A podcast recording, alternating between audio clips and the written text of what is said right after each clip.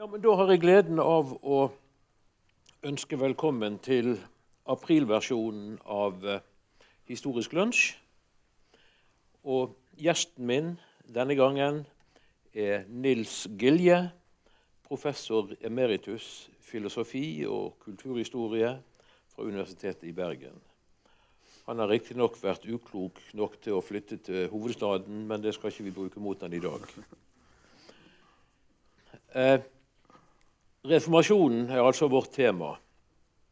Og eh, den har jo blitt markert og, og feiret i anførsel en god stund allerede. Og jeg har lovt at dette skal bli en seanse uten teologi og kirkehistorie. Jeg er fristet til å innlede med å si at i år har vi ikke bare et 500-årsjubileum for reformasjonen, men vi har et 500-årsjubileum for en av de mest seiglivete falske nyheter. Fake news er jo blitt så moderne. Eh, og den nyheten jeg har eh, lyst til å ta livet av, enten du er enig eller ikke, det har jeg ikke spurt deg om, det er den som forteller at eh, 31.10.1517 spikret Martin Luther 95 teser opp på eh, kirkedøren i slott, Slottskirken i, i Wittenberg. Det er absolutt ingenting som tyder på at det skjedde. Det vi med sikkerhet vet, er at han den dagen sendte et brev til erkebiskopen av Mainz, som var hans åndelige foresatte, og at et vedlegg til det brevet inneholder de 95 tesene. Han skal òg ha, ha, sendt uh, dette til uh, fyrst Fredrik den vise av Saksen, som var hans verdslige overordnede. Og så vidt vi vet, den første som overhodet nevner denne historien om, om, kirkedøren, det er Philip Melanchthon, som var nær medarbeider og, og venn av Luther, og som redigerte den første utgaven av hans uh, skriftlige verker. Og i et forord til bind to, etter at Luther er død, skriver han dette og han, han dikter opp mer òg. Han forteller bl.a. at eh, Johan Tetzel, den store avlatshandleren, hadde, off offentlig hadde brent tesene på, på torget i Wittenberg. Det skjedde heller aldri. Han fortalte videre at eh, Luther underviste i fysikk eh, ved universitetet i Wittenberg. Det er heller ikke korrekt. Altså, her var det antageligvis snakk om å bygge opp en myte om Luther som skulle bidra til å, å styrke både hans og reformasjonens posisjon. Hva tror du om dette?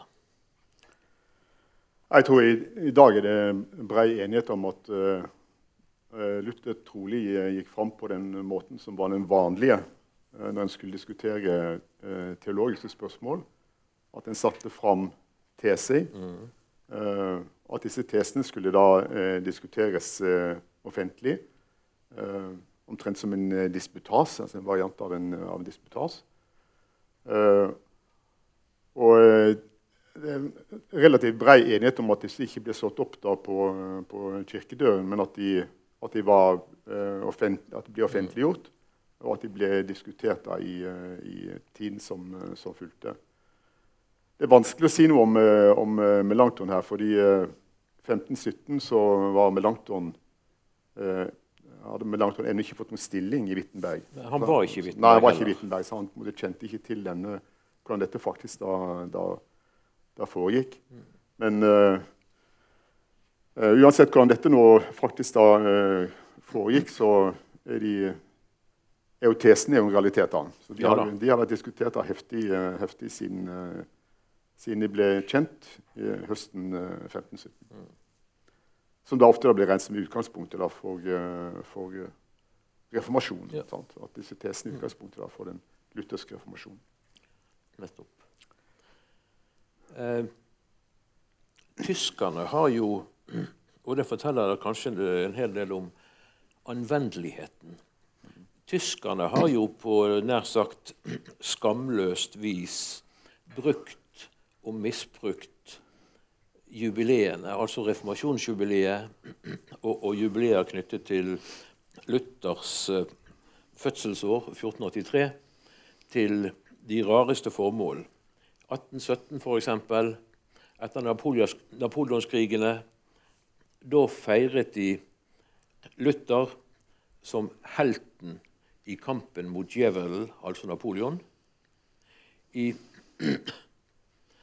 i 1883, etter at Bismarck har samlet eh, Tyskland, feir, er det nytt jubileum. Da feirer de Luther som nasjonens grunnlegger. I 1917, under verdenskrigen, feirer de uh, Luther som Tysklands uh, redningsmann. I 1933 feirer de Luther som om han var en slags døperen Johannes, som har samme rolle uh, vis-à-vis Jesus som Luther har vis-à-vis føreren Hitler. Og så seint som i 83, 1983 nedsetter ledelsen i DDR en komité av historikere som skal finne ut om ikke det er mulig å bruke Luther for DDRs formål òg. Og ganske riktig. De kommer opp med 15 teser. En av dem var at han leverte et avgjørende bidrag til den førborgerlige revolusjonen mot føydalismens og kirkens reaksjonære krefter. Det må jo være noe spesielt med denne mannen når han kan brukes til alle de, og, og den reformasjonen hans, når han kan brukes til alle disse formålene. Ja, det kan du si. Uh jeg tror måtte, Utgangspunktet for å, eh, for å forstå uh, noe av dette tror jeg må jo være at dette er et forsøk på, en måte, på å tilegne seg Luther i bestemte, i bestemte historiske situasjoner. Mm. Det er veldig lett å skjønne på en måte, den måten som eh, Luther ble brukt på i, i 1917. Uh, dette er jo da siste fasen av første verdenskrig. Ja. Luther blir presentert som den tyske Luther. Mm. Altså en veldig sterk vekt på den tyske Luther, på den nasjonale Luther. Den som på en måte introduserer nasjonalitetstanken og introduserer på en måte det, det tyske i uh, Den sentrale ideen om det tyske da, i, uh, i, i, i, den, i denne situasjonen. Og, det, og den får på en måte all, veldig tydelig i 1917 og i årene, eh, første årene under Weimar-republikken så får en på en måte framveksten av det vi i dag kaller for nasjonalprotestantisme. Mm -hmm. Altså En får en type nasjonalprotestantisme der protestantismen på en måte blir nasjonal. altså blir en tysk protestantisme. Det blir en norsk protestantisme, en svensk protestantisme, en dansk protestantisme. Men da med, like stor vekt på nasjonal som protestantisme? Ja, i Tyskland like stor vekt på, på nasjonal som uh, protestantisme. Og det, eh, det store problemet i, uh, i i mellomkrigstiden og i, i tiden etter Hitlers maktovertagelse, er jo at de såkalte eh, Deutsche Christen, som da var uh, nasjonalsosialisten innenfor de evangeliske kirkene, sto veldig sterkt og tok kontrollen over, over de fleste, fleste kirkene. Utnevnte de fleste biskopene.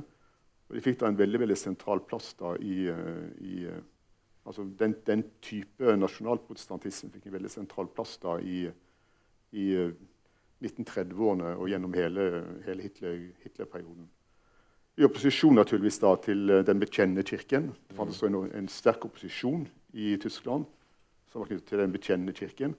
Som da var selvfølgelig kritisk innstilt til, eh, til Hitler og kritisk innstilt til, til nasjonalsosialismen. Men det er lett å se at uh, altså, ulike historiske perioder har brukt uh, Luther på ulike måter. Og absolutt tilegnet seg Luther på ulike måter. Uh, jubileet i 1617 veldig veldig annerledes enn jubileet i 1717. Mm. Veldig annerledes enn jubileet i 1817. Veldig annerledes enn jubileet i 1917. Og dagens jubileum i 2017 er igjen naturligvis dramatisk forskjellig fra jubileet i 1917. Det er en helt andre ting vi diskuterer i dag enn det som ble diskutert da i, i 1917. Og Sånn tror jeg det må være. det er på en måte Jeg må alltid prøve å nærme seg Luther ut fra den situasjonen som en, eh, som en er i, ut fra de historiske forutsetningene som en, eh, som en har. Og Derfor får en ulike Luther-bilder på denne måten. her. Altså Luther i 1617 er veldig veldig annerledes enn Luther i, i, ja, også i, i ulike jubileene som, eh, som kommer. Og Det tror jeg er uunngåelig. Altså, det er veldig vanskelig å forestille seg at det ikke skulle være sånn. Men naturligvis også slik at, eh, at det er veldig lett å se at Luther blir på en måte politisk og ideologisk misbrukt da, i, flere av disse, i flere av disse jubileene. Helt klart i 1917. Ja, og 33. Og i ikke minst. ja, er det veldig tydelig. Men samtidig er det slik at, at eh, eh, Luther er en veldig kompleks uh, person, og tekstene og skriftene hans er veldig veldig komplekse. Sånn at det, har vært, det, har vært, det var mulig for, uh, eh, nasjonalsosialistiske, for nasjonalsosialistene i Tyskland var mulig å knytte an til tekstene til, eh, til Luther. Og spesielt at eh, tekstene fra den uh, seine Luther, altså Luther i, eh, tidlig i, eh, i 1540-årene. Og Da skrev Luther bl.a. En, eh, en, bok som, en ganske stor bok som het 'Om jødene og deres løgner'. 1543. Ja. Og i eh, denne boka så, så introduserer han det han kaller for sånne strakstiltak eh, for å bekjempe jødene. Og et, disse, et par av disse strakstiltakene er for det første at en skal brenne de jødiske synagogene. sette fyr på de jødiske synagogene. Kjempedramatisk. En annen, et annet sånn strakstiltak er at en skal konfiskere jødiske bøker, Talmud, jødiske bøker. En skal eh, forby eh, rabbinere å, å undervise med trusler om, om, om dødsstraff. Og han lister opp da en serie med, med sånne, sånne eh, tiltak mot eh, jødene, som er klart er antisemittiske tiltak. Og han konkluderer med at, at eh, trolig ingenting av dette er tilstrekkelig for å unngå den faren som eh, jødene utgjør. og at det beste ville være om en da utviste jødene fra alle tyske stater. At altså, den, denne, type, denne type tekster fra, fra Luthers eh, side ble brukt da for alt det de var verdt. Det var jo en gavepakke Ja, en til gavepakke nazistene. til, eh, til nazistene. Og ble brukt da av, eh, av, av nazistene. Bare ta et eksempel på, på hvordan dette ble, konkret ble, ble brukt. Som sikkert mange av dere vet, så, så kommer denne kommer krystallnatten eh, i november i 1938, da nazistene går til angrep på og brenner da jødiske synagoger. Uh, går til angrep på jødiske butikker, jødiske hjem. Uh, eh, kanskje så mye som et par tusen jødiske synagoger går opp i flammer i, i, i Tyskland uh, november, november i eh, 1938. Og når dette skal legitimeres eh, høsten eh, eh, 1938, så er det flere av de eh, nasjonalsosialistiske biskopene, som da er biskoper i, i, de evangeliske kirkene, som legitimerer dette med å vise til at endelig er Luthers program fra eh, 1543-1544 er nå endelig realisert. De, altså, dette er på en måte helt i tråd med sånn som Luther da tenkte rundt, eh, rundt, rundt jøde, jødespørsmålet. Så det har alltid vært, det har alltid vært, Siden dette er veldig komplekse tekster, og Luther er en veldig kompleks eh, person, så det har alltid vært mulig å bruke da, eh, f.eks. Eh, disse tekst, disse eh, antijødiske og antisemittiske tekstene til Luthøy, fra sene Luther, og bruke de da, f.eks. i 1930-årene og under, under annen, under annen verdenskrig. Det der er vel kanskje òg et av de verste eksemplene på Luther-misbruk. Altså, det er et av de verste eksemplene på, på misbruk av, av, av Luther. Men samtidig så, så er det dette er en type misbruk på en måte som er, mulig, fordi det på en måte finnes Ja, noen tekster her som er, er, er problematiske. Men jeg tror eh, Det var sånn at du ville, du ville ikke snakke om teologi. Ja, Men jeg vi, tror vi, vi- kan jeg touche innom. Jeg tror, jeg tror vi er nødt til å si noe om teologi her. sant? Altså, Man kan ikke snakke om Luther måte uten helt å si noe om teologi. Så hva, eh, hva er det på en måte som er forutsetningene uh, for uh, disse, eh, disse antisemittiske uttalelsene og tekstene til, eh, til Luther? Hva er de teologiske forutsetningene for dette? Det, må- det er spørsmål vi er nødt, nødt til å stille i dag. Og Det har trolig noe å gjøre med uh, den uh, måten som uh, Luther leste Det gamle testamentet på. Så Luther leste Det gamle testamentet som en kristen tekst. Altså Gamle oh, ja. testamentet som en kristen tekst. I den forstand at den Messias som det tales om i Det gamle testamentet, selvfølgelig for Luther er Jesus Kristus. Og Det betyr at når jødene tar, tar avstand fra fra, fra, Jesus Kristus som Messias, så er de egentlig ikke i tråd på en måte med de, den kristne tolkningen av Det gamle testamentet. Så denne, eh, Det er et grunnleggende problematisk forhold tror jeg, eh, mellom uh, kristendom og jødedom som, uh, som uh, tror jeg er en av forutsetningene for dette. Og Dette har vært så fryktelig vanskelig for, for kristne å takle det problemet at jødene sier nei sant? til uh, Jesus Kristus som Messias. At jødene fremdeles venter da, på den Messias ja. som skal komme. Uh, og for, for Luthers var det helt uforståelig. Sant? For han hadde gitt sånn som han så det selv, gitt en korrekt tolkning av Det gamle testamentet. Han hadde vist med skriftsted på skriftsted på skriftsted. Han hadde dokumentert med nei, med nei. så godt han mente det kunne lot seg gjøre, at den Messias som det snakkes om i Det gamle testamentet faktisk da er Jesus Kristus. Og Når jødene ikke på en måte var villige til å akseptere dette, eller ikke kunne forstå dette, så var den eneste forklaringen uh, Luther kunne ha på dette, det var at de på en eller annen måte måtte de være forført av Satan. Altså, uh, fordi Rasjonelt burde alle enhver kunne innse at, uh, at, at, at, det var slik. Og når jødene ikke ville innse dette, så måtte det være eh, vond vilje. eller at de, I en eller annen forstand så var det djevelen som sto bak. Er det derfor han òg eh, omtaler de som djevelens barn?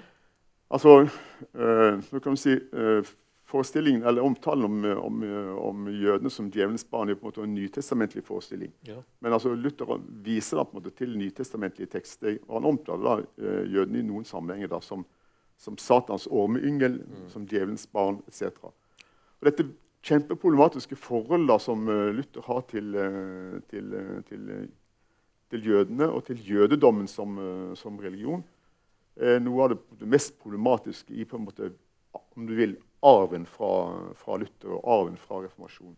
Det har vært veldig, veldig vanskelig å takle da, og, og forholde seg til for seinere i, i, tiden etter, etter Luther og i, og i dag. Altså For kristne er det en fundamental utfordring å, å forholde seg til, til denne, denne, tradisjonen. Fordi den berører på en måte den kristnes forståelse av Det gamle, det gamle testamentet. Mm. Eh, du er jo forfatter si dere var to da, av bind to av eh, Norsk idéhistorie. Ja.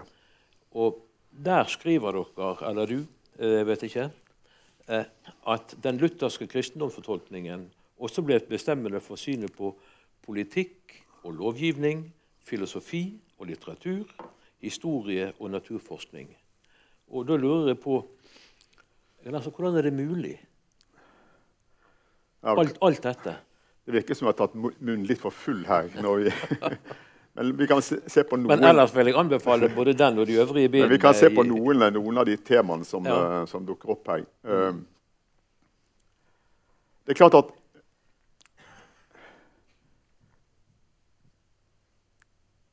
Det er 500 år siden uh, tesene om mhm. avlatshandelen. Og det er på en måte 500 år er en ganske lang tid. Et halvt tusen år. sant? Uh, så Luther er på mange måter for oss i dag en fremmed person. Vi må innse tror jeg, at Luther er fremmed. Han er veldig annerledes. Uh, og den verden som Luther levde i, den verden som Luther var vokst opp i, og som han agerte i, det er en verden som for lengst er tapt for oss. Det er en verden som er borte på mange måter. Når vi snakker om på en måte, eh, eh hva slags virkning, langsiktige virkninger eh, Luther og reformasjonen eh, hadde, så tror jeg det er viktig å skille mellom det vi, det vi kunne kalle for intenderte virkninger fra Luthers side, og ikke-intenderte virkninger. Så veldig mange av eh, virkningene som reformasjonen har hatt, og som lutherdommen har hatt, eh, har åpenbart vært ikke-intenderte virkninger. Altså virkninger som Luther kanskje ikke hadde klart for seg, eller som, som i hvert fall ikke var Luthers intensjon da, å,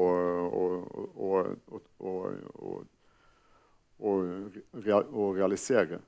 Men hvis vi ser på noen områder som jeg tror, eh, tror kan være, være, være, viktige, så vil jeg bare for det første å huske på at eh, Luther på mange måter levde i en førvitenskapelig verden. Ja. Altså før de moderne vitenskapene ble mm. etablert. Uh, det er jo ikke helt riktig, men altså et stykke på vei er det, er det riktig. Uh, det betyr bl.a. at Luther i, i bordsamtalene sine var veldig veldig kritisk til Kopernikus. Uh, han sier f.eks. at i bordsamtalene sier Luther at Kopernikus var en, var en narr som ikke skjønte at hvordan verdensbildet var. Og enhver kunne jo med sine egne øyne se at sola kommer opp i øst og går ned i vest. Det kan umulig være noen, eh, noen tvil om. Derfor, derfor, måtte Kopernikus ha feil. Mm. Det syns også Kopernikus naturligvis i strid med Kopernikus sitt, sitt, eh, sin, uh, verdensbilde var i strid med Bibelen. Og da viser Luther til, til, til scener fra Det gamle testamentet der, der Gud lar lar solen stå stille på, eh, på himmelhvelvet, sånn at uh, jødene skal få, eller den jødiske hæren skal få tid nok og lys nok til å nedkjempe fiendene sine. Mm. Og så sier Luther at, at uh, det uh, Gud gjorde, det var Han lot solen stå stille, sier Luther. Han lot ikke jorda stå stille. Mm. At, så så Luther lever på en måte i en, sånn før, i en før, naturligvis i en førkopernikansk verden. Han hadde ingen forståelse for Kopernikus. Men samtidig er det slik at i Wittenberg og blant uh, teologene i Wittenberg så var det flere av disse teologene som hadde, hadde stor sans for, uh, for, Kopernikus. På Luthers tid. På Luthers tid, ja. Mm. Sånn, så Luther var på en måte litt utenfor her.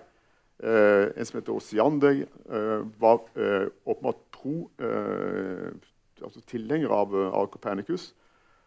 Melanchthon var i utgangspunktet humanist, men humanistene var også den gangen kunne være, kunne være interessert i naturvitenskap. Så Melanchthon hadde en mye mer positiv holdning til, eh, til den nye naturvitenskapen, altså den nye, nye astronomien, enn det, det, kanskje Luther hadde. Men ser vi det i, et, et, langt løp, altså i et, mm. i, et, i et, historisk perspektiv, så er det en ting som er litt er overraskende, eller kanskje ikke så overraskende, men en ting som er veldig interessant, er at den vitenskapelige eh, revolusjonen, sånn som vi kjenner den, eh, sånn som vi kjenner den fra, fra andre halvdelen av 1500-tallet og, og, gjennom 1600-tallet, i stor utstrekning eh, kom i den protestantiske verden. Eller i kulturområder som var dominert av protestanter, bl.a. hugenotten i, i Frankrike. Mm. Det gjelder naturligvis ikke uten unntak, men, men det er i hvert fall litt interessant at at hvis en ser historisk på dette, så var noen av de nasjonene som kanskje kunne forvente at den vitenskapelige revolusjonen ville raskt få fotfeste, fordi det var avanserte, avanserte nasjoner, som Spania for eksempel, den gangen, mm. eh, Portugal Der fikk ikke den naturvitenskapelige revolusjonen noe sterkt fotfeste. Mens i England, eh, i deler av den, eh, av den tyske verden, mm. så fikk eh, den naturvitenskapelige revolusjonen ganske raskt eh, fotfeste. Uh, og Det har vært sagt mange ganger at, uh, at uh, en av grunnene til at naturvitenskapen fikk en sånn sterk stilling i den, i den protestantiske verden, kanskje hadde noe å gjøre med at, at i hvert fall enkelte naturforskere utvikla en idé om at, at Gud åpenbarer seg på en måte to steder i Bibelen mm. og i naturen at eh, Gud måtte vise seg på en måte i Bibelen, men Gud viser seg òg i naturen.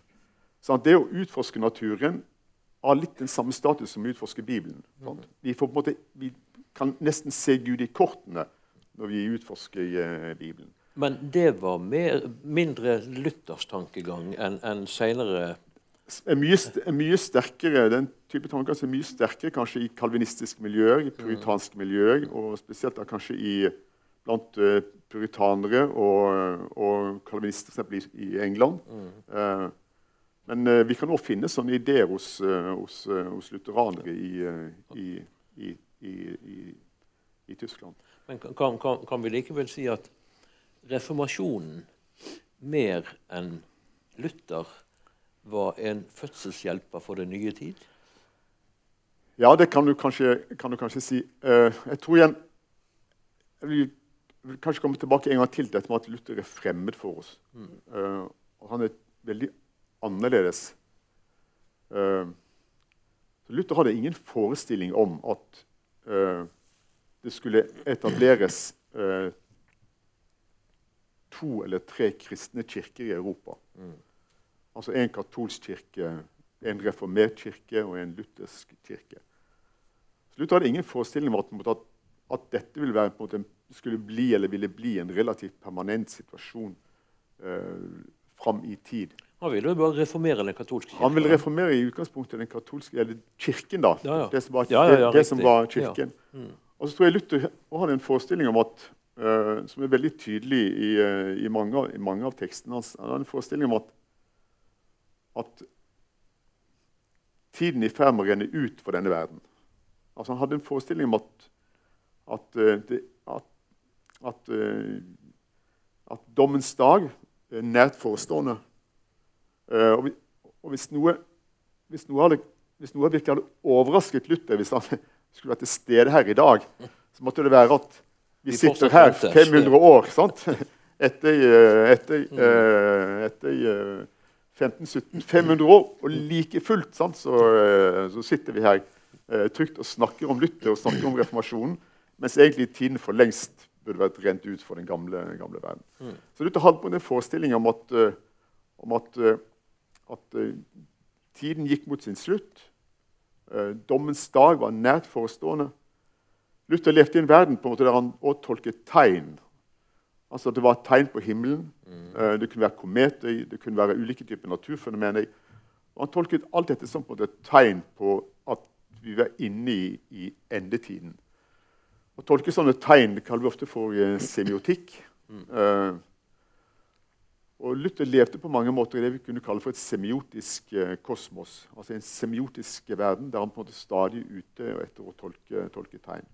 Og De aller fleste av de tegnene som han tolket, tolker han som et tegn på at tiden er snart slutt. endetiden er nær.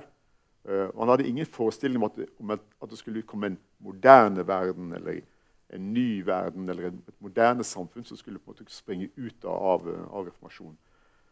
Det var den historiske realiteten, at reformasjonen åpner for en moderne verden. Men det var neppe Luthers. Luther hadde ingen forestillinger som går i den, i den retningen. Den var helt fremmed tror jeg, for sånne tanker. Når så mye på så ulike områder kunne komme ut av reformasjonen. Ja. Eh, får det meg til å tro at tiden må ha vært ikke bare moden, men overmoden for Kall det reformasjon eller revolusjon. Og at dette kanskje like gjerne kunne komme på helt andre områder av samfunnet, og, og sågar i andre land enn Tyskland. Ja. Jeg tror, uh, Det er et godt poeng, tror jeg. Det er iallfall en, en, to viktige forutsetninger for uh, reformasjonen. Så jeg tror jeg er helt avgjørende. Den ene forutsetningen er, er renessansen og mm. framveksten av en renessansekultur. Denne tanken i, i, blant renessansehumanistene om at en må gå tilbake til kildene. For renessansehumanistene til de greske, Alfontes, ja, mm. til de greske kildene eller romerske kildene. Og Det er en tanke som også Luther tar opp. Men Luther vil da gå tilbake til bibeltekstene.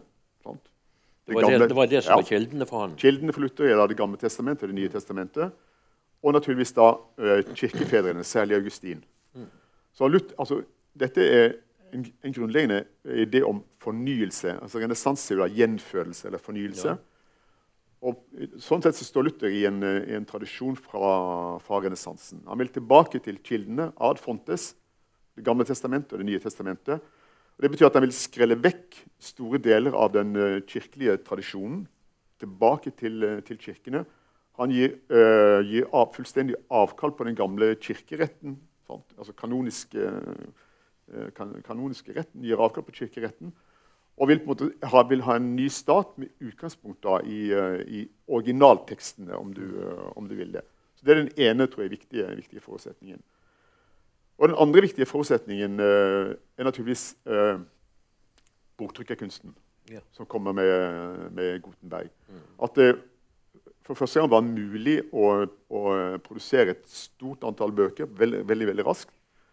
En trykker også da, eh, som var veldig typisk for eh, reformasjonen, trykker en, tusenvis på tusenvis, tusenvis av flygeblader. Altså sånne eh, broadsheets eller ensides tekster med bilder omtrent som type aviser. med, med tekst som spres da i tusenvis på tusenvis av eksemplarer. Og jeg tror Uten denne en måte, kommunikasjonsrevolusjonen som man har på slutten av 1400-tallet, så det være veldig vanskelig måte, å gjennomføre den type eh, reformasjon som da eh, eh, Luther da åpner for. Så jeg tror både renessansen og boktrykkerkunsten er sentrale forutsetninger for, for, for Luther. Men så tror jeg det, det er en ting til som jeg tror også står, helt tror også står veldig sentralt her. Det er at Kirken som man er på, sånn vi kjenner den på, på slutten av 1400-tallet, altså renessansekirken og renessansepavene, er jo en ekstremt verdslig kirke på mange måter. Eh, og eh, mange av de som er, er biskoper i denne, i denne kirken, måtte ha kjøpt embetet sitt. Det er, ri- det er embeter som en har store inntekter av. Tolvåringer kan, en sånn tolvåring kunne bli biskop i Mainz. Altså det, er sånne, det er en, en, og en type kirke som er en, åpenbart i en, en, en ekstrem eh, krise. Og Luther eh, og reformasjonen på en måte er et svar på denne, denne krisen. Altså, det er en dramatisk og radikal fornyelse av Kirken som Luther, Luther er, er ute etter. Bare ta noen områder for å vise hvordan, eh, altså, hva, han, hva han, virker, han virkelig står, står ned på her. Eh, de aller fleste av oss i dag er fortrolige med at eh, denne tanken om at livet har to utganger. Sant? hvert er det er en sånn grunnleggende teologisk premiss at livet har to utganger. Himmel eller helvete. Det har vært en lang, lang eh, en, en del av den lutherske tradisjonen. Men på Luthers tid var det ikke en, en helt sentral premiss. I den gamle kirken så hadde livet tre utganger. Altså En hadde muligheten eh, altså, Helvete var naturligvis en mulighet, og himmel var en mulighet. Men det fantes en, en mellomtilstand her, og det var skjærsilden. Jo, men der skulle ikke du bli. Nei, skjærsilden skal du ikke bli. Men altså, skjær, altså, skjær på gammelnorsk, altså rein, dette var en renselsesprosess. Og det betyr at, at uh, de levende, de som lever i dag, de er mye nærmere de døde sant, på 1400-tallet enn vi er i dag. Fordi de som lever i dag, kan påvirke skjebnen til de som er døde.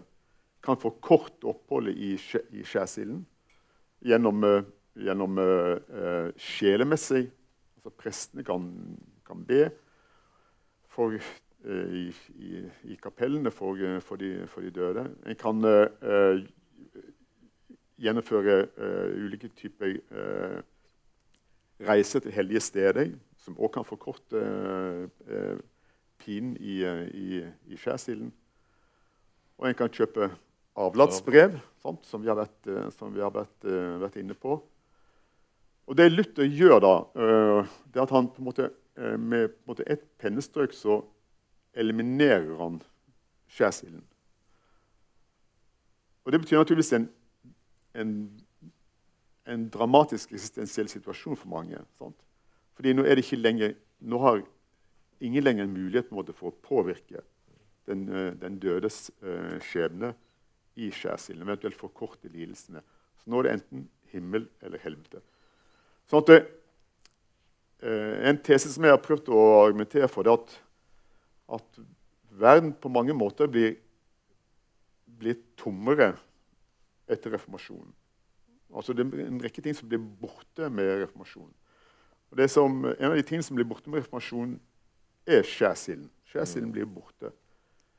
Noe annet som blir borte med reformasjonen, er, er relikviene. Tenk på at I kirkene her så var det, er det relikvier som, ha, som folk da mente kunne ha helbredende funksjon. Eh, det å, eh, å, besøke hellige steder og, og ha relikvier kunne òg påvirke oppholdet i, i skjærsilden. Så relikviene eh, blir borte. Forestillingen om at, at, at, at,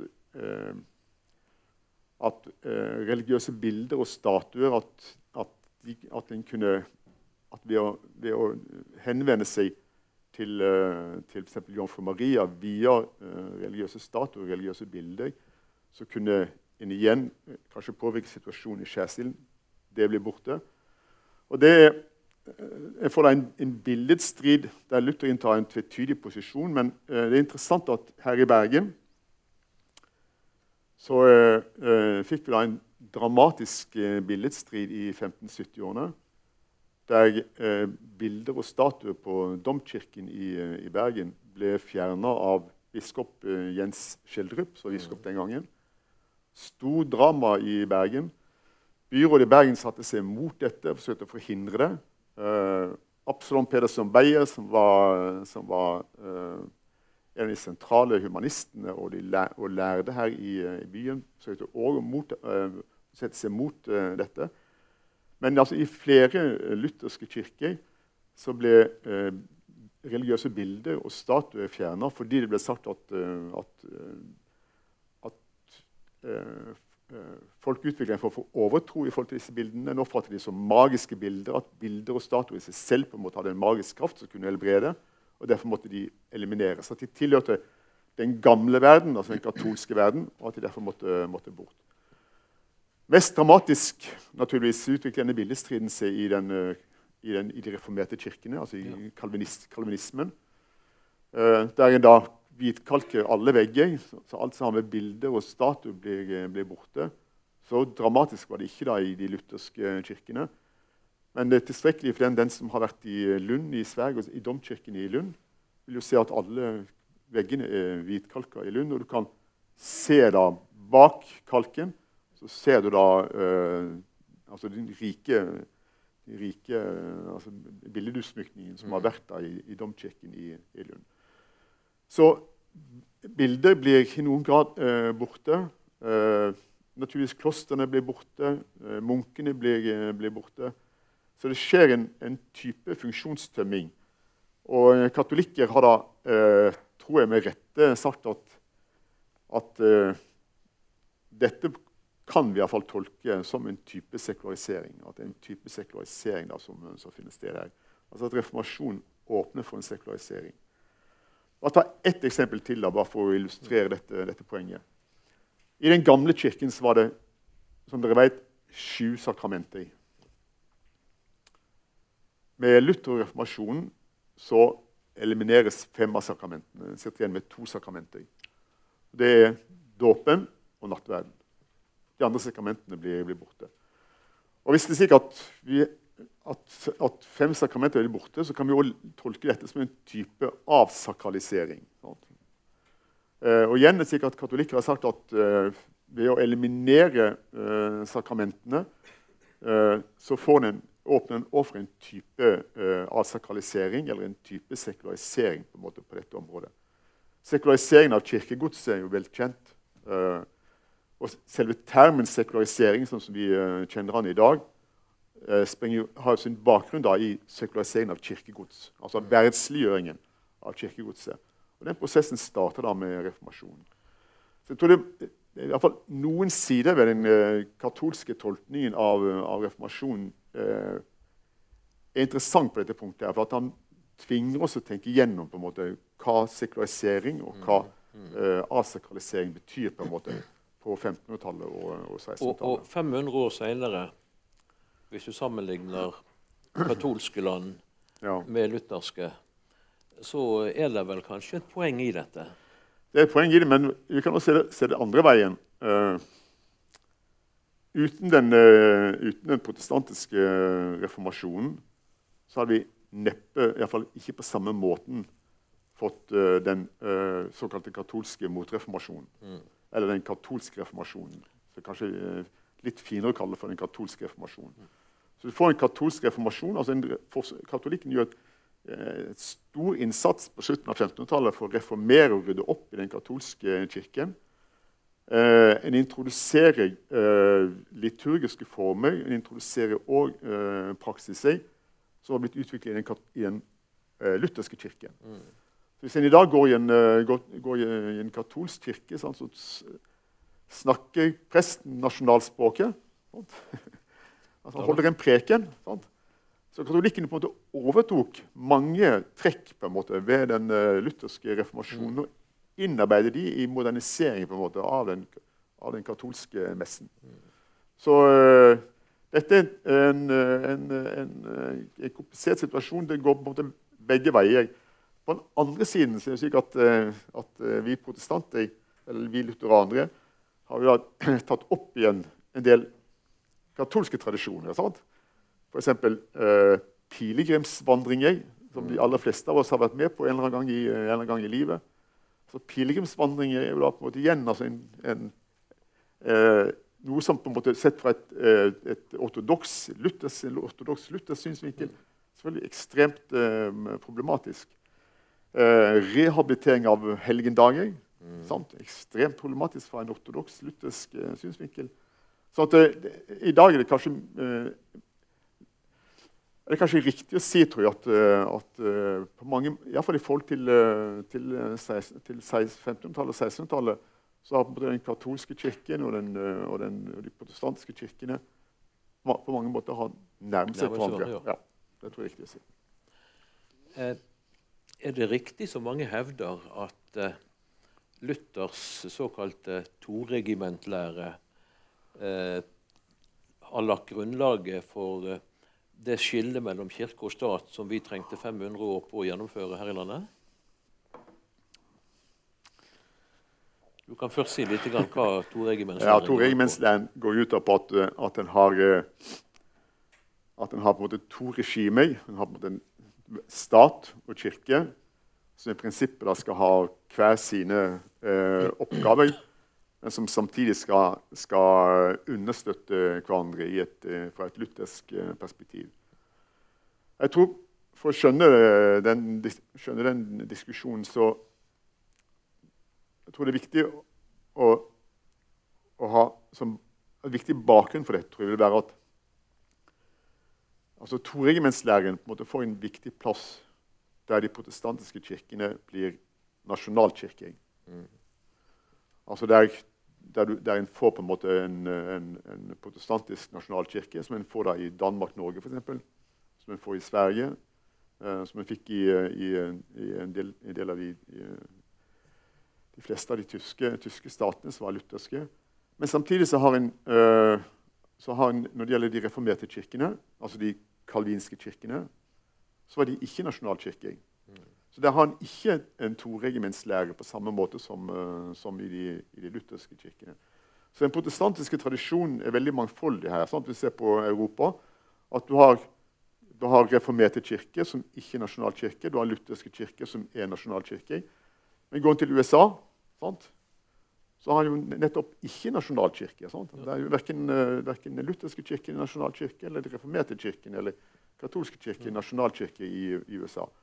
Men det skjer da i Europa, så får du en, eh, ved framveksten av nasjonalstaten eh, på 1500-tallet, så skjer det en konfesjonalisering som gjør at du får katolsk nasjonalkirke. Til tross for at Roma er, er sentrum, så får du en, en helt klart en fransk eh, katolsk kirke. Du får en spansk katolsk kirke, du får en portugisisk eh, katolsk kirke. Og du får eh, eh, nasjonale kirker i, eh, i Tyskland, i Skandinavia etc. Men, eh, men eh, toregimentslæren på en måte blir, blir på en måte først eh, blir, blir først på en måte en, et, et tema på en måte, i det øyeblikk du har på en måte en nasjonalkirke, og da du har stat og kirke som på en eller annen måte skal samordne, samordne kirkelig politikk og verdslig politikk. Men var det ikke egentlig slik at uh, uten fyrstene, som altså da skulle representere den andre makten Ja. Uten fyrstene så hadde vel aldri reformasjonen blitt, eh, kunne blitt gjennomført. Og dessuten, du har jo den augsburgske eh, religionsfreden i 1555, Ja. som jo ender med at uh, fyrstene skal bestemme religionen i sitt fyrstedømme. Med Ja. andre ord statskirke. Ja. Men, de, øh, men, de, men de vil igjen du, du vil like fullt samtidig her på en måte ha øh, i mange områder øh, fremdeles eksempel reformerte kirker, der du har på en måte en, en øh, altså en kalvin, kalvinskirke, der du har en, øh, der du har en, øh, en, en luthersk nasjonalkirke. Så vil du fremdeles i et område kunne ha, ha reformerte kirker. Selv i katolske områder, sant, som, eh, i, som i, i Frankrike, så har du lenge eh, altså du, Frankrike hadde flere millioner protestanter. Sånn, 1500-tallet og 1600-tallet. Og en rekke, en rekke naturligvis reformerte kirker, altså kalvinistiske kirker i, i Frankrike. Og det er veldig, det veldig seint, egentlig helt først på slutten av, av, av 1600-tallet, at en får eh, disse dramatiske prosessene som, eh, som fører til at, eh, at eh, franske protestanter i hundretusenvis blir kasta ut av, av, av, av Frankrike. Og som da en, en, ender opp i, i, i Tyskland, annet. I eh, områdene rundt flere hundre tusen Så ender opp i, i Brandenburg, i områdene som lager altså Prøysen. Eh, og vi kan fremdeles uh, se faktisk uh, i, de, i disse områdene at det er en rekke franske familienavn som på en måte stammer da fra, fra franske hugenotter som måtte rømme da fra Frankrike, og som ender opp i, i, i Tyskland. De hadde fremdeles da sine reformerte kirker. Og så ender franske hugenotter ender opp i Nederland. For de som har vært i Sør-Afrika, de vet at franske hugenotter endte opp i Sør-Afrika. Boere, ja. Ja, som eh, fra, kom fra, fra, blant annet fra, fra Nederland. Og en av disse her, eh, eh, fine dalene med, der de driver med vindyrking nordøst for Cape Town, heter Frans Huk. Sant? Og der har han da et Fremdeles har han da det har ikke fremdeles, da, det er jo et relativt moderne fenomen, men han har det franske flagget. Men midt i flagget da er det en gul elefant. Men serien drar en inn i Franshuk, altså Franshukdalen i, i nord for uh, Cape Town. Så på hver side av, av, av, av dalen så det da, ligger det da frans, altså vingårder. Og alle vingårdene har da franske, franske navn. Så det var et sted da, på en måte en kunne utvikle en, eh, en reformert tradisjon helt uavhengig av, av Mm. Så det finnes mange eksempler på at eh, at en, at en får protestantiske kirker i, eh, som ikke knytter det direkte til nasjonalstater. Hvis vi skulle snakke litt om makt Jeg forestiller meg at eh, frem mot reformasjonen hadde vi en kirkelig og en verdslig makt som mer eller mindre balanserte hverandre. Men jeg ser jo for meg at eh, det som skjer etter, etter reformasjonen, eh, fører til en sterk eh, makt, maktkonsentrasjon på verdslige hender. Enten det var noe tilsiktet eller ikke. Ja. Var det slik? Ja, Det tror jeg nok er riktig. Men jeg tror igjen at det, at det, er, det, er, flere, det er flere forhold på en måte som, eh, som eh, spiller inn her. Det, det er ikke noen enkel forklaring på det fenomenet, tror jeg. Men for eksempel bare, bare det at uh, fyrstene altså får større makt over Ja. kirken. Fyrstene får større makt over kirken. eh, Det er riktig. Og du får en framvekst av en nasjonalstat. eh, Og framveksten av nasjonalstaten betyr at, at du får et, et sentrum. eh, Du får, et, eh, du, du får utvikling av et nasjonalt byråkrati. Eh, Fyrstene skal kontrollere et, et eh, bestemt geografisk, eh, geografisk område. Og jeg tror disse, Dette er prosesser på en måte som er vevet inn i hverandre. Det er på en måte Framveksten av nasjonalstaten, utvikling av, av et uh, byråkrati, skattlegging av befolkningen, som igjen krever embetsmenn etc., etc., som igjen er på en måte uh, er kombinert med, framveksten av, av nasjonale, nasjonale kirker. At det går på mange måter uh, hånd i hånd. Og det er selvfølgelig denne perioden da, som, som du viser til her, det er på en måte da, utgangspunktet for det som blir eneveldet. Ja. Altså eh, absolutismen, eller eneveldet i, eh, i, i Europa. Fra slutten av 1500-tallet og begynnelsen av, eh, av 1600-tallet. Ja, Som vi får i Danmark-Norge. da. Ja, ja. Det, Danmark-Norge. for, for det er jo rimelig å forestille seg at uh, denne situasjonen f.eks. gjorde det vanskeligere å drive maktkritikk. Fordi du altså ikke lenger hadde en slags jevnbyrdighet mellom to maktfaktorer, den kirkelige og den verdslige, men at du har fått en, en eh, klar verdslig overvekt, for å si, eller Ja. overmakt, for å si det sånn. Jeg ville kanskje sett det på en litt annen måte. Uh, igjen, tror jeg, igjen tror jeg at vi må Denne tesen vi starta med i dag, at vi må ha klart for oss at, at eh, virkelighetsoppfatningen og, og verdigrunnlaget til Luther er veldig veldig fremmed for oss. Eh, så Vår forestilling for eksempel, om, eh, om toleranse, at vi, at vi i prinsippet kan, må, må, eh, at vi tolererer for eksempel, ulike religioner, det var, ville vært en helt uforståelig tanke for, for Luther. Eh, Luthers forhold til, som vi var inne på i, tidligere, Luthers forhold til jødene var at den eneste, eneste måte, fremtiden for jødene i Tyskland, slik eh, Luther så det, det var at hvis de skulle bli værende i Tyskland, så måtte de konvertere til kristendommen. De måtte bli kristne. Forestillingen om at, at jøder og, og, og, kristne kunne leve side om side, var en helt utenkelig tanke for, for Luther. Sånn forestilling på en måte om, altså Moderne forestilling om toleranse var helt ukjent for Luther. Jeg tror sånn Forestillinger om at uh, Luther på en måte var en tidlig talsmann kanskje for uh, liberale rettigheter det, det, da, da misforstår en på en måte hva slags historisk periode dette er. Og dette på en måte er ikke tiden på en måte der tanken om, om uh, menneskerettigheter eller grunnleggende rettigheter på en måte er, er, er framme. Det blir også veldig feil å tenke at, at at, at Luther skulle være på en en, en, en, en talsmann for, tidlig talsmann for uh, si, rettsstatlige prinsipper. Eller sånt, det tror jeg er veldig veldig fjernt. Hvis jeg ser på Luthers uh, Siden du tar opp dette med, med, makt og, politikk altså Hvis jeg ser på Luthers forhold til, for til i, uh, hans syn på den store traumatiske, store traumatiske begivenheten i, i 1520-årene, så er det de tyske bondekrigene. Ja. Og der var ikke han snau. Nei, altså De tyske bondekrigene uh, fører til at uh, hundretusenvis av bønder blir slaktet ned i 15, 1525. Altså det er et opprør da. Uh, de tyske bøndene appellerer til Luther. De oppfatter seg selv som, som, som tilhenger av reformasjonen. Det, reformasjonen var riktignok her en såkalt venstrefløy. Thomas Münster og, og andre. Andreas Bordenstein uh, tilhører, tilhører dette miljøet her.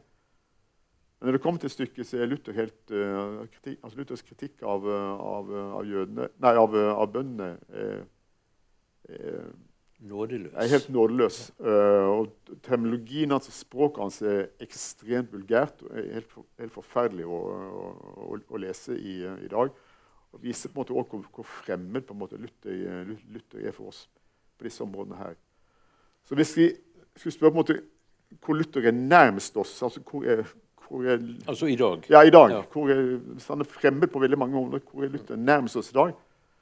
Så tror jeg på en måte der Luther er, er nærmest, det er egentlig når det kommer til stykket, i de, sen, i de, i de, sen, i de sentrale uh, den sentrale teologiske tankegangen til Luther er der han er nærmest oss faktisk i dag. Og det vil være Frelse gjennom nåden? Ja, frelse gjennom nåden. Altså Forestillingen på en måte om at, uh, at frelse på en måte er, uh, er en gave fra Gud. Sant? Det er ikke noe vi kan på en måte gjøre oss fortjent til. Vi kan ikke bli frelst gjennom gjerninger. Vi kan ikke bli frelst gjennom bestemte ritualer. Vi oppfører oss på bestemte måter. Det er en gave fra, fra Gud som vi kan motta eller ikke motta. Vi kan heller ikke, på en heller ikke eh, hvis det er en gave, så kan vi på en måte ikke tvinge noen til å gi oss gaven. Vi kan ikke tvinge Gud til å gi oss denne gaven. Sant? Men vi må, vi må, Gud bøyer seg, bøyer seg til, ned til mennesket og tilbyr en, en, gave.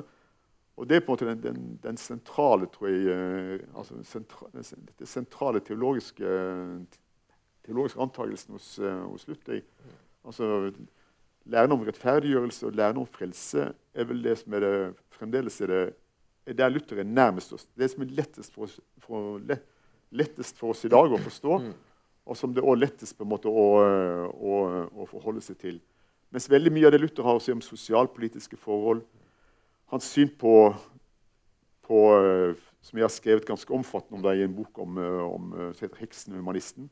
Hans syn for på trolldom, hans syn på hekser, at hekser må, må, må brennes. Uh, altså det her er på en måte Luther et, et menneske på 1500-tallet som, ja, som har, barn av sin tid. Ja, barn av sin tid, som har de samme fordommene som uh, alle på 1500-tallet har, og som går inn for å, å ta knekken på hekser, for å ta knekken på kloke, kloke koner. Mm. Som, og som òg tror åpenbart at hvis sånne kloke koner eller, eller, eller healer eller håndspåleggere lykkes på en måte med å helbrede noen, så sier Luther ja, hvis, de, hvis, de lykkes, hvis disse folka lykkes med å helbrede noen, så er det bare fordi djevelen står bak. Det er djevelen som trekker i trådene. Sånt. det er på en måte grunnholdningen til Luther. Så at vi på en måte Jeg vil kanskje si at, at uh, vi måtte ta, ta inn over oss at Luther som jeg sa, er, tilhører en annen tid, er veldig veldig fremmed. At eh, veldig mye av det, av det eh, Luther har sagt, det Luther har skrevet, er det forferdelig. Altså, det er vanskelig å forholde seg til i dag.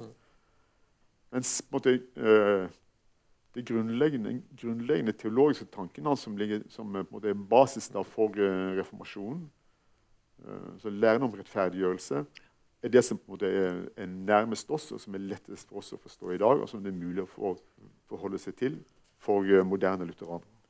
Mens du tenker litt på Max Weber, så tillater jeg meg en grov avsporing. Forfatteren Graham Greene, som sikkert mange her kjenner og har lest eh, Før han giftet seg i 26, så, konverterte han til katolisisme. Det var en forutsetning. Og han hadde tre års opplæring. Eh, på slutten av 30-tallet begynner han å skrive den serien som vi kjenner som hans katolske tetralogi. Fire romaner med, med tema fra, fra katolske temaer, for å si det sånn. Den første av de som kom i 1938, heter uh, Brighton Rock. Handler om en ungdomskriminell som går under navnet Pinky. Poenget her er følgende. Mot slutten, når vi ser at det kan gå riktig galt med Pinky, så får vi servert et bilde på nåde. Guds nåde, som er så slående.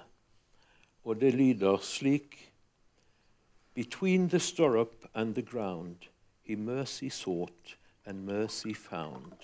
Altså, bildet, Vi kan tenke oss at en eller annen, i dette tilfellet Pinky, sitter på en hest.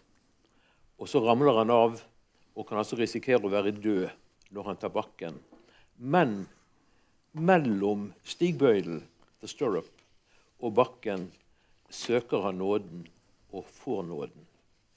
Det er teologi på sitt reneste og enkleste, men veldig uttrykksfullt. Så, når vår tid nå er så godt som ute, og, og vi har beveget oss opp til vår egen tid, da må vi jo òg få sagt litt om Max Weber og kapitalismens ånd. OK, ja. Uh, altså Max Weber, for de som ikke uh, kjenner han, er det uh, er den store tyske sosiologen. Født 1864, 19, og døde 1920. og som var på en måte grunnleggeren av moderne sosiologi. og som finnes på alle pensumlister i sosiologi fremdeles den dag i dag. Og alle studenter i, på, som tar, tar sosiologi overalt i hele verden, eh, leser enten et utdrag eller eh, kanskje i fall deler av eh, den boka som heter 'Den protestantiske etikk og kapitalismens ånd'. Og Tesen til Max Weber er at det er en sammenheng mellom den protestantiske etikken og kapitalismens ånd. Altså at Den protestantiske etikken det da kanskje arbeidsmoralen innenfor, innenfor protestantismen. Måtte åpne for å legitimere uh, framveksten av, av det, det Weber kaller for kapitalismens ånd. Sånn det, det, tesen til Weber er ofte blitt misforstått. Da, for det, det er helt klart slik at det fantes tidlige former for kapitalisme forut for reformasjonen på 1400-tallet i, i, Italia, f.eks. Uh, og det er heller ikke sikkert at dette er en monokausal uh, uh, forklaringsmodell der, der, der, Weber sier at den protestantiske etikken er årsaken til den moderne kapitalismen. Men, Men det, ser en sammenheng? Ja, men ser, det Weber sier at, at den protestantiske etikken gir veldig gode rammebetingelser for framveksten av en moderne markedsøkonomi. Det er tesen til, eh, til, eh, til eh, Weber. Og så sier Weber også at, at det finnes noen sånne grunnleggende holdninger i, kanskje som kommer veldig tydelig til uttrykk i, i, i protestantismen. Som han har å gjøre med at, at, i den protestantiske kulturen så ser han ofte har sett på, på sånne ting som uh, eiendom. Ikke som noe nødvendigvis noe, noe som privat, naturligvis, men at eiendom på en måte også er en del av Guds skaperverk. Og at, uh, som, uh, at Guds skaperverk på en måte uh, betyr at Gud på en måte har forrang, at Gud er den store eiendomsbesitteren. At vi, at vi som mennesker på en måte arbeider i Herrens vingård. Og at oppgaven vår som arbeider i Herrens vingård det er på en måte å overlate vingården i bedre stand når vi går fra vingården, enn når vi mottok vingården. Men skulle dette være mer fremtredende egenskaper ved eh, protestanter enn katolikker? Iallfall så, så, kan det, så eh, den type metaforer og den type eh, eh, bilder har åpenbart spilt en eh, mer sentral rolle da, i, den, i, i, protestantisk kultur enn i, eh, i katolsk kultur. Og Han viser vel òg til at ja, den, nordeuropeiske ja, Det er neppe helt tilfeldig at arbeidsproduktiviteten er mye, er mye, mye høyere i protestantiske land enn i katolske land. Sant? Mm. At det ligger at, at, det med at arbeid at det er på en måte, at det har nesten en religiøs dimensjon. Altså at arbeid er det som Weber kaller for beruf. Sant? Det er et kall. Altså Det å arbeide er et kall. Det har en religiøs uh, dimensjon. Og Vi kjenner jo dette veldig godt for fra ulike typer arbeid som har hatt karakter av å være et kall. Ja. Sykepleier. I gamle dager sykepleierens arbeid var et kall. Sant? Mm. Jeg er jo lærer. Lærerens arbeid har vært et kall. Sant? Mm. Så kallstanken har stått veldig sentralt da i, eh, i, eh, i, denne, i, denne, i denne, tradisjonen. Og det er neppe tilfeldig på en måte at, at den økonomisk, økonomisk mest suksessfulle delen av verden historisk sett har vært den protestantiske delen av verden. Og Det er på en måte tesen til, eh, til, til Weber. Bare føy til en liten ting der. At det beste eksempelet på dette i en norsk sammenheng er selvfølgelig Haugebevegelsen. Det er jo han som gjennomfører eh, ja, reformasjonen. Alle disse, alle disse motivene sant, kommer til uttrykk hos Hans Nilsen Hauge og den tidlige Haugebevegelsen fra slutten av 1700-tallet. Uh, eh, og jeg tror uh, jeg tror på mange måter at uh, den, den, andre reformasjonen sant? Hvis vi kan snakke om den første reformasjonen, 1537 i Norge Den andre reformasjonen i Norge begynner, begynner på slutten av, av, av 1700-tallet. er knytta til pietismen og er knytta til uh, framveksten av, av. Så den, den moderne kristningen av Norge begynner med Haugebevegelsen på, på slutten av, av, av 1700-tallet så førte til en, en annen type inderliggjort eh, eh, kristendom, en mer personlig kristendom, enn eh, den en kjenner på en måte fra ortodoksiens dager på 1600-tallet og i seg opp, opplysningstidens eh, kristendom. Så Høyrebevegelsen eh, Og i en europeisk sammenheng så er Høyrebevegelsen et utro, utrolig interessant eh, case. da. For Det er kanskje det beste, det beste empiriske caset som for å som kan begrunne eller være med å legitimere tesen til Max Weber om ja. den protestantiske etikk og, og kapitalismens ånd. I dette tilfellet haugianismens etikk og kapitalismens ånd. Yes. Ja. Da vil jeg bare avslutningsvis fastslå, siden vi nå havnet på norsk grunn, Ja. at uh, innføringen av uh, reformasjonen i Norge i 1537 er jo anse som et rent maktovergrep fra kong Kristian 3. Tusen takk, Nils. Tusen takk til publikum.